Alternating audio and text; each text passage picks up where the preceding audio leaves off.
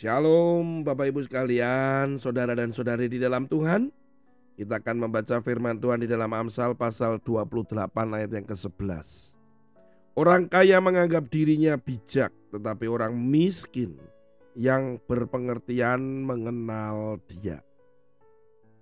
Saudara kekasih di dalam Tuhan, kata menganggap itu di sini diterjemahkan sebagai mata.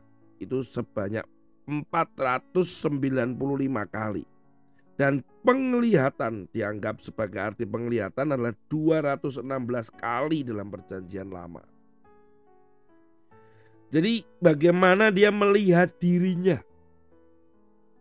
Menganggap dirinya itu adalah bagaimana dia sebenarnya harusnya belajar untuk introspeksi.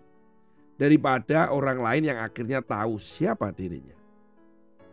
Dalam kehidupan ini, saudara, sering kali kita banyak menghakimi orang, menilai orang, tetapi kita tidak pernah melihat diri kita sendiri. Siapa diri kita?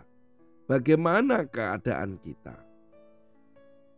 Di dalam perjanjian lama, saudara, di dalam Hagai, kita bahagia juga dikatakan perhatikanlah dirimu itu beberapa kali. Perhatikanlah dirimu. Perhatikanlah keadaanmu.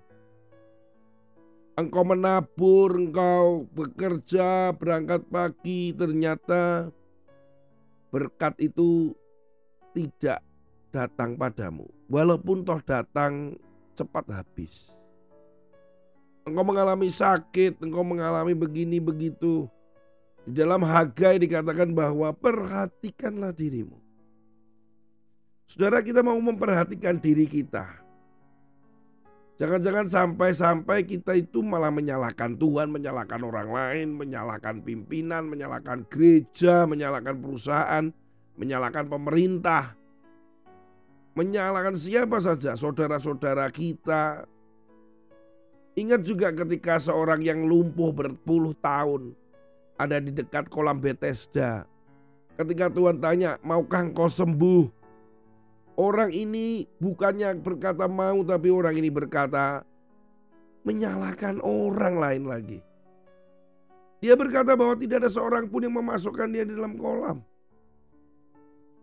Saudara, mungkin karena manusia itu karakternya begitu. Tidak mau introspeksi tapi lebih sering menyalahkan orang, orang lain dijadikan kambing hitam, Firman Tuhan katakan di dalam Matius pasal yang ketujuh. Bagaimana Yesus sendiri berkata begini. Matius pasal 7 ayat yang ketiga.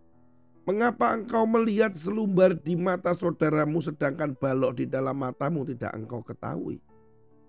Bagaimana engkau dapat berkata kepada saudaramu, biarlah aku mengeluarkan selumbar itu dari matamu, padahal ada balok di dalam matamu. Yesus mau berkata bahwa kita bisa menghakimi orang, kita bisa ngomongin tentang orang. Tetapi sebenarnya diri kita mengalami hal yang sama atau bahkan lebih buruk daripada itu. Oleh karena itu Bapak Ibu sekalian, saudara kekasih dalam Tuhan, sebelum kita itu meneruskan menilai orang, menghakimi orang, lebih baik kita introspeksi diri. Nah, Apakah saya salah? Apakah saya berdosa? Apakah saya terlalu jahat? Kikir, hati nurani saya di mana? Wah, pokoknya banyak lah.